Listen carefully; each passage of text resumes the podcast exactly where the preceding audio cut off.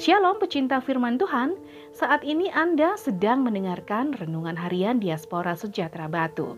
Pembacaan Alkitab hari ini diambil dari kitab Bilangan pasal 7 ayat 84 sampai 89. Itulah persembahan pentahbisan mesbah pada hari mesbah itu diurapi dari pihak para pemimpin Israel, yaitu 12 pinggan perak, 12 bokor penyiraman dari perak, 12 cawan emas.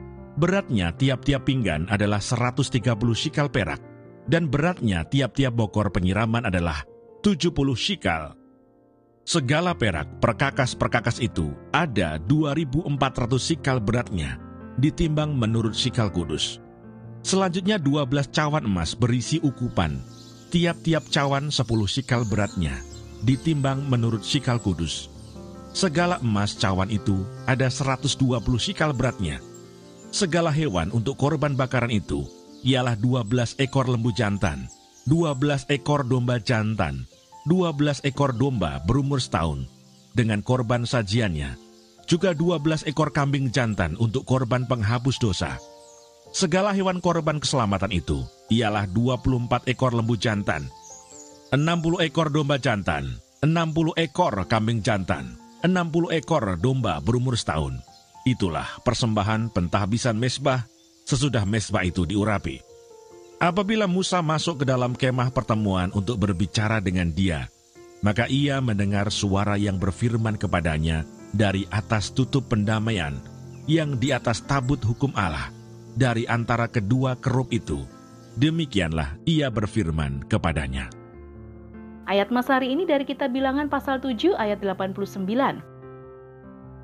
Apabila Musa masuk ke dalam kemah pertemuan untuk berbicara dengan dia, maka ia mendengar suara yang berfirman kepadanya dari atas tutup pendamaian yang di atas tabut hukum Allah dari antara kedua kerub itu. Demikianlah ia berfirman kepadanya. Renungan hari ini berjudul komunikasi. Komunikasi merupakan aktivitas dasar manusia.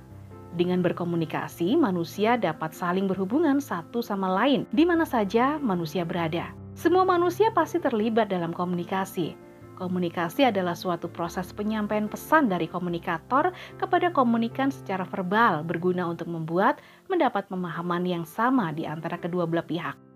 Sedangkan informasi yang disampaikan dapat memberikan efek tertentu kepada komunikan atau penerima informasi. Ketika Allah memberikan ketetapan-ketetapannya kepada bangsa Israel, dia juga menggunakan komunikasi dan Musa adalah orang yang selalu diajak berkomunikasi dengan Allah. Melalui komunikasi yang baik tersebut, maka dampaknya kehidupan bangsa Israel menjadi tertata dengan baik, sehingga keselamatan hanya didapatkan di dalam bangsa Israel. Komunikasi Musa dengan Allah memberikan dampak pada hubungan yang semakin erat, sehingga Musa dikenal sebagai nabi besar yang pernah berhadapan secara langsung dengan Allah. Dalam kehidupan gereja di zaman modern ini, Allah tetap merindukan komunikasi antara dia dengan umatnya. Bahkan, dia sudah mempermudah umat dalam berkomunikasi dengan dia. Sehingga dalam kondisi apa pun, di mana pun dan kapan pun, umat dapat berkomunikasi dengan Allah. Semakin intens umat berkomunikasi dengan Allah, maka dia akan menunjukkan hal-hal yang berkenan dan harus dilakukan umat selama menjalani kehidupan di dunia ini. Selain itu, hubungan umat dengan Allah akan semakin akrab. Jadi jangan pernah berhenti berkomunikasi dengan Allah, sebab komunikasi tersebut akan berdampak terhadap hubungan yang baik atau tidak dengan dia. Berpalinglah kamu kepada teguranku, sesungguhnya aku hendak mencurahkan isi hatiku kepadamu dan memberitahukan perkataanku kepadamu. Amsal 1 ayat 23. Tuhan Yesus memberkati.